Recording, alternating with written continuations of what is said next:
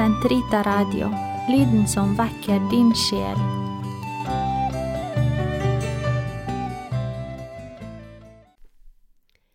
Karmels hage episode 12 Å smake korset Da tiden var inne, tok Jesus plass ved bordet sammen med apostlene, og han sa til dem, Jeg har lengtet inderlig etter å spise dette påskemåltidet med dere før jeg skal lide. For jeg sier dere, aldri mer skal jeg spise påskemåltidet før det er blitt fulllendt i Guds rike. Så tok han et beger, ba takkebønnen og sa, Ta dette og del det mellom dere.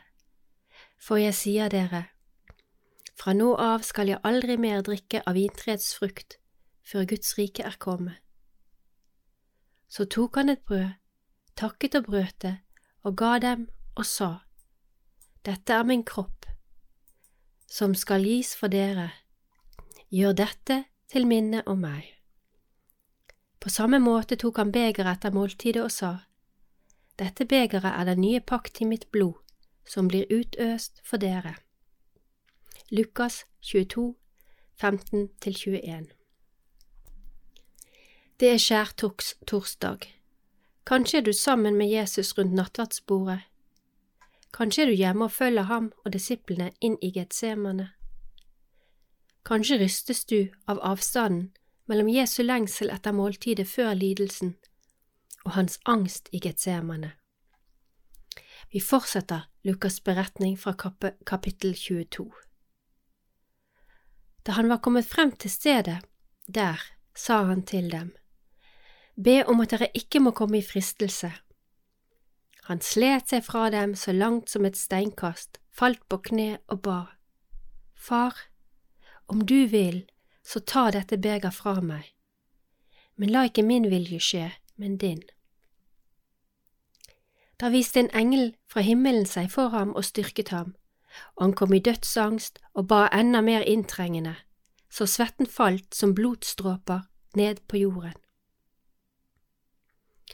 Da han reiste seg fra bønnen og kom tilbake til disiplene, fant ham dem sovende, overveldet av sorg. Hvordan kan dere sove? spurte han. Reis dere og be om at dere ikke må komme i fristelse. Lukas 22, 40–46 Kanskje det er nettopp sove vi gjør når vi ikke klarer å forholde oss til kors og lidelse, vår egen eller andres, og dypest sett Jesu lidelse.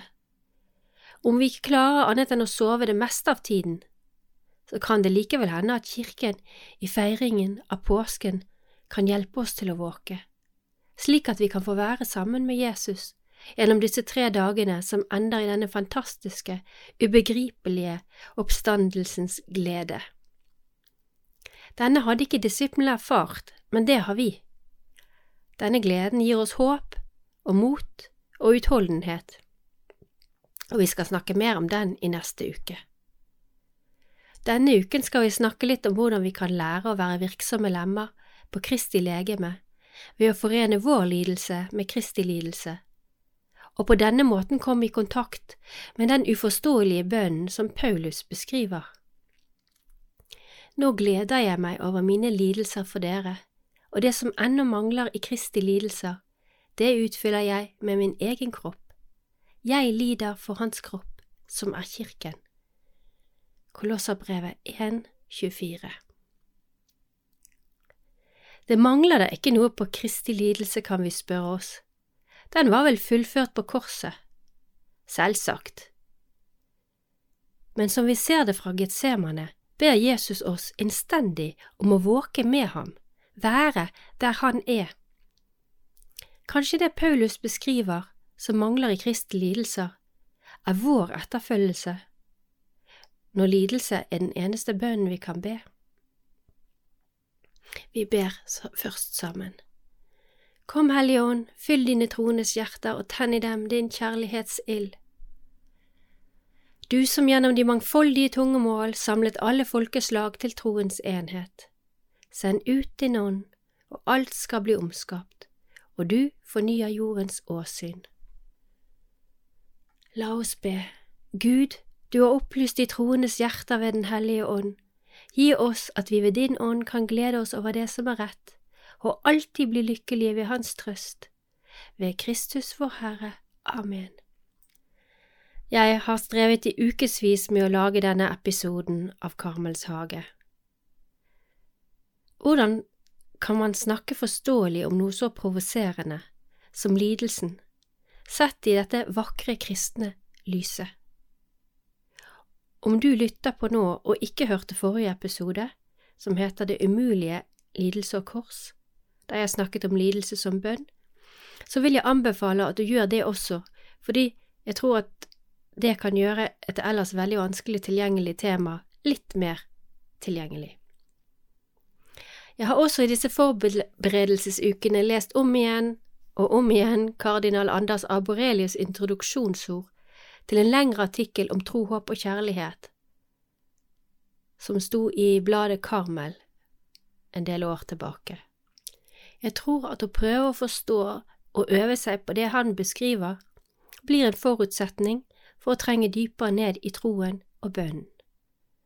Før jeg forklarer dere hva han skriver, vil jeg foreslå at du etter å ha hørt dette programmet finner frem din bibel og leser om igjen beretningen om Peter som går på vannet i stormen, Matteus 14, 29. Legg merke til at Peter går så lenge han ser på Jesus, men så blir han igjen oppmerksom på stormen og synker umiddelbart. Hans rop, Jesus berg meg, må også være vårt rop når vi til stadighet er i ferd med å synke i våre stormer. Kanskje kan vi i dag tenke på Jesu armer der ute på det opprørte havet, og som redder Peter, som de tre teologale dydene. Det som forener oss med ham og muliggjør kontakt, og som drager oss til Gud, og som vi har fått i gave fra Gud gjennom dåpen. Kardinal Arborelius skriver at det er veldig viktig for bønnen og vår gudsrelasjon at vi bebygger på tro, håp og kjærlighet. Men videre at vi så ofte oppdager at vi i bønnen bruker våre naturlige sjelskrefter, vår tanke, fantasi og følelser. Disse er gitt oss for at vi skal være hjemme i den skapte virkeligheten, der vi smaker, lukter og tenker men for å ha kontakt med Gud har vi altså fått disse overnaturlige sanseorganene i hermetegn, tro, håp og kjærlighet. Bruker vi de naturlige organene i vår gudsrelasjon, blir det like forkjært som om vi skulle spise med nesen, skriver kardinal Aborelius. Så, når du føler, det være seg frykt, angst, nedstemthet, Hiv deg i Jesu armer.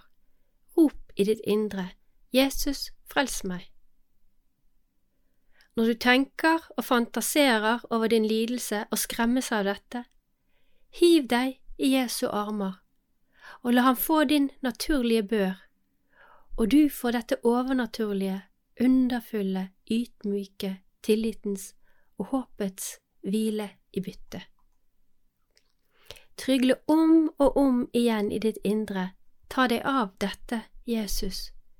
Tro på ham, gi alt til ham.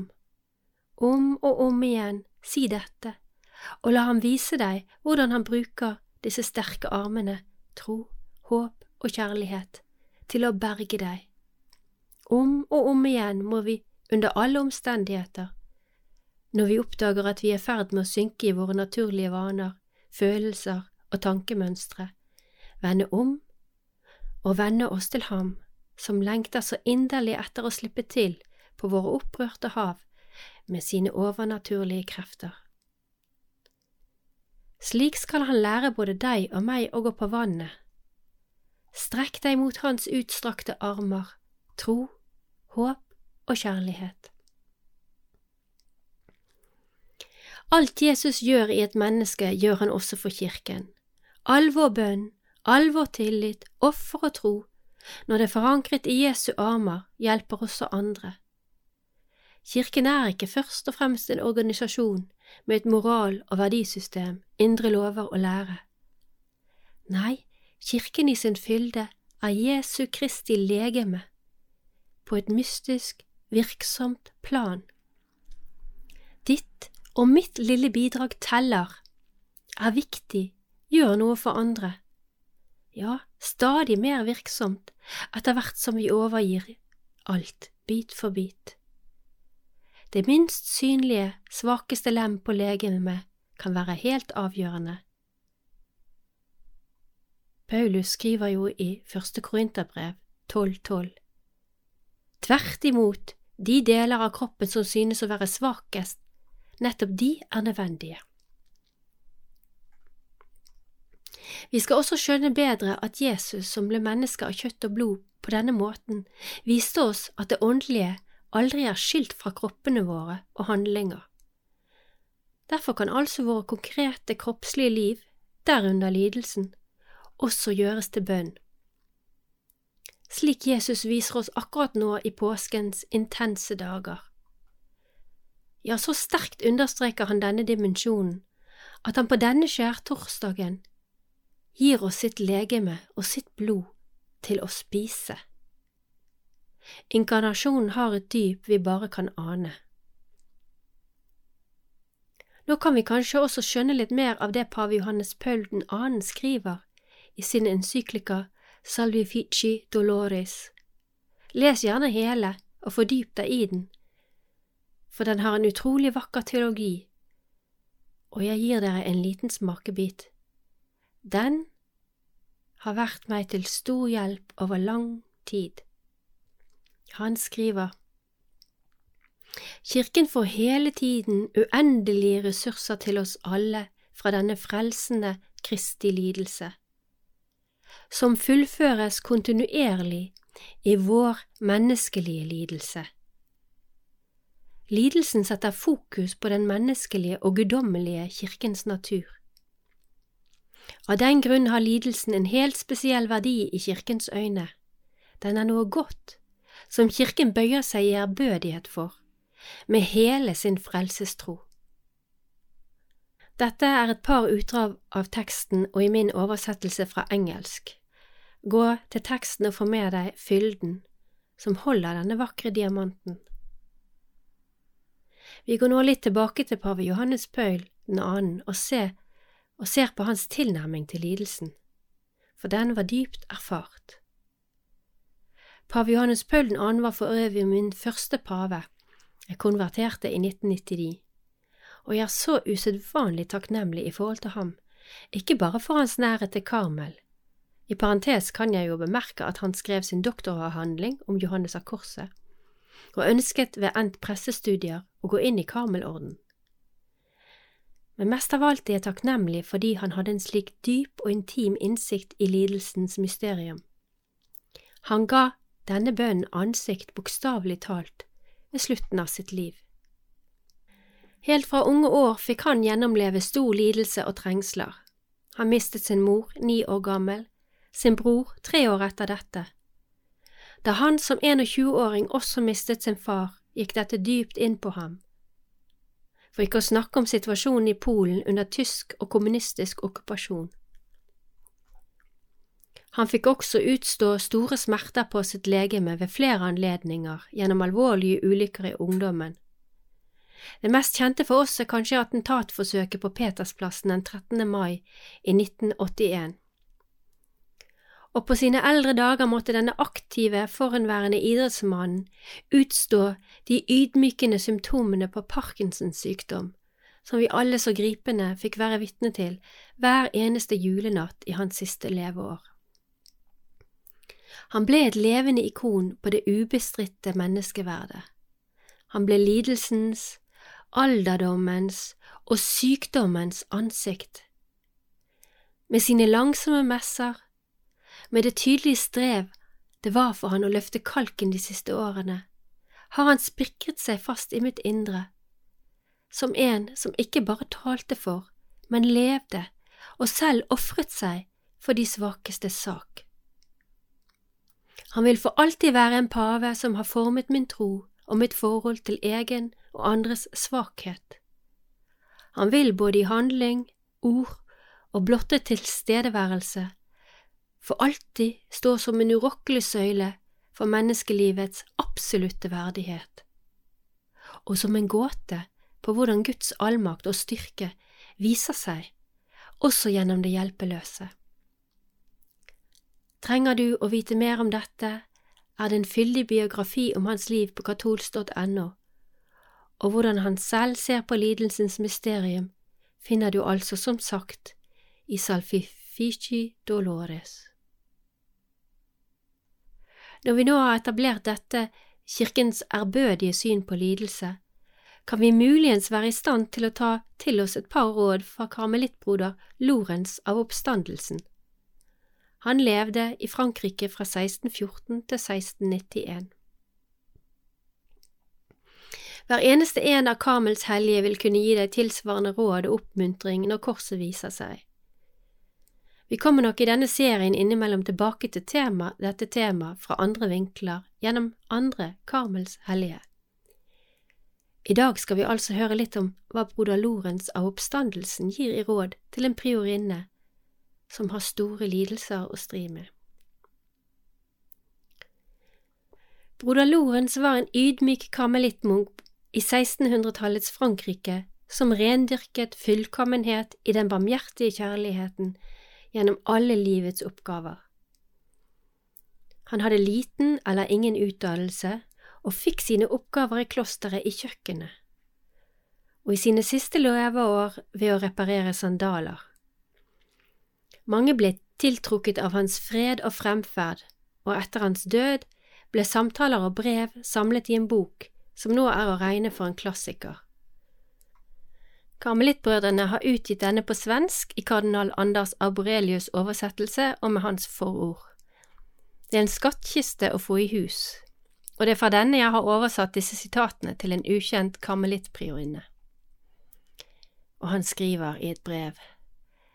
Jeg ber ikke Gud om å befri deg fra dine plager, men jeg ber ham innstendig om å gi deg styrke og tålmodighet til å kunne bære dem, så lenge det behager ham. Hent trøst hos ham som holder deg fast til korset. Han kommer til å løse deg fra det når han finner det passende. Lykkelige er de som får lide sammen med ham. Venn deg til å lide slik, og be ham om kraft til å utholde alt det han vil, og for så lang tid som han anser at du trenger det. Verden forstår ikke disse sannheter, og det forundrer meg ikke. Det henger jo sammen med at man lider som verdslige mennesker, og ikke som kristne. Man betrakter sykdommene som naturlige prøvelser, og ikke som nådegaver fra Gud.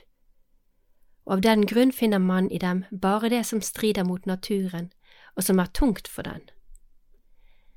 Men de som betrakter dem som gaver fra Guds hånd, som frukter av Hans barmhjertighet, og som middel som han benytter seg av for din frelses skyld. De får vanligvis nyte stor sødme og erfare mye trøst. Jeg skulle ønske at du kunne bli overbevist om at Gud ofte er oss nærmere i sykdommer og svakheter enn når vi nyter ypperlig helse. Så, overgitt i bønn på vei til korset, ved foten av korset eller på korset, kan altså lidelsen få et helt annet lys. La deg ikke hindres i å erfare dette lys og denne mildhet som Jesus i sin store kjærlighet kan la bryte gjennom midt i lidelsen. Se på ham i morgen på langfredag, stå under korset med ham, sammen med Maria. Klag det usigelige vakre Stabat Mater sammen med henne, og trygle Jesus på korset om nåde slik at lidelsen og motgang aldri får oss til å gi opp bønnen og nærheten til Gud. Be om nåde slik at din lidelse blir et påskudd til å leve enda nærmere. I disse forferdelige netter, i denne smerten, er det at vi kan få erfare Guds armer, som tar imot oss i dypet av vår avmakt. Det er selvsagt ikke for denne trøsten vi lider, men den gir oss en utrokkelig styrke og erfaring i møte med livets prøvelser, både hos oss selv, men kanskje i særlig grad når vi skal støtte andre. Det er denne, hans egen personlige erfaring, som gjør at broder Lorentz kan skrive følgende. Ingenting formår i så høy grad å gi trøst i livets plager og smerter som denne fortrolige samtalen med Gud. Om dette øves trofast, kommer alle kroppens sykdommer til å bli lette for oss å bære. Gud lar oss ofte få lide for å rense vår sjel og oppnå at vi blir værende hos ham. Hvordan kan et menneske som er hos Gud og ikke vil ha noe annet enn ham, fremdeles lide?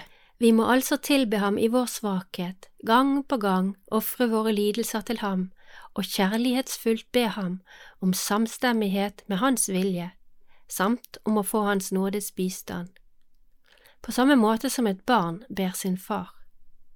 Disse korte bønnene er meget hensiktsmessige for syke personer, og de gir en fortreffelig motstandskraft mot plagene. Så skriver han videre, igjen erfart. Det er et paradis å få lide og være hos Gud. For å få del i dette må vi under enhver plage venne oss til å øve en fortrolig samtale med Gud, og forhindre at vår ånd skiller seg fra ham. Når vi på denne måten hengir oss til Gud, kommer lidelsen bare til å være mild, vederkvegende og trøsterik. Amen.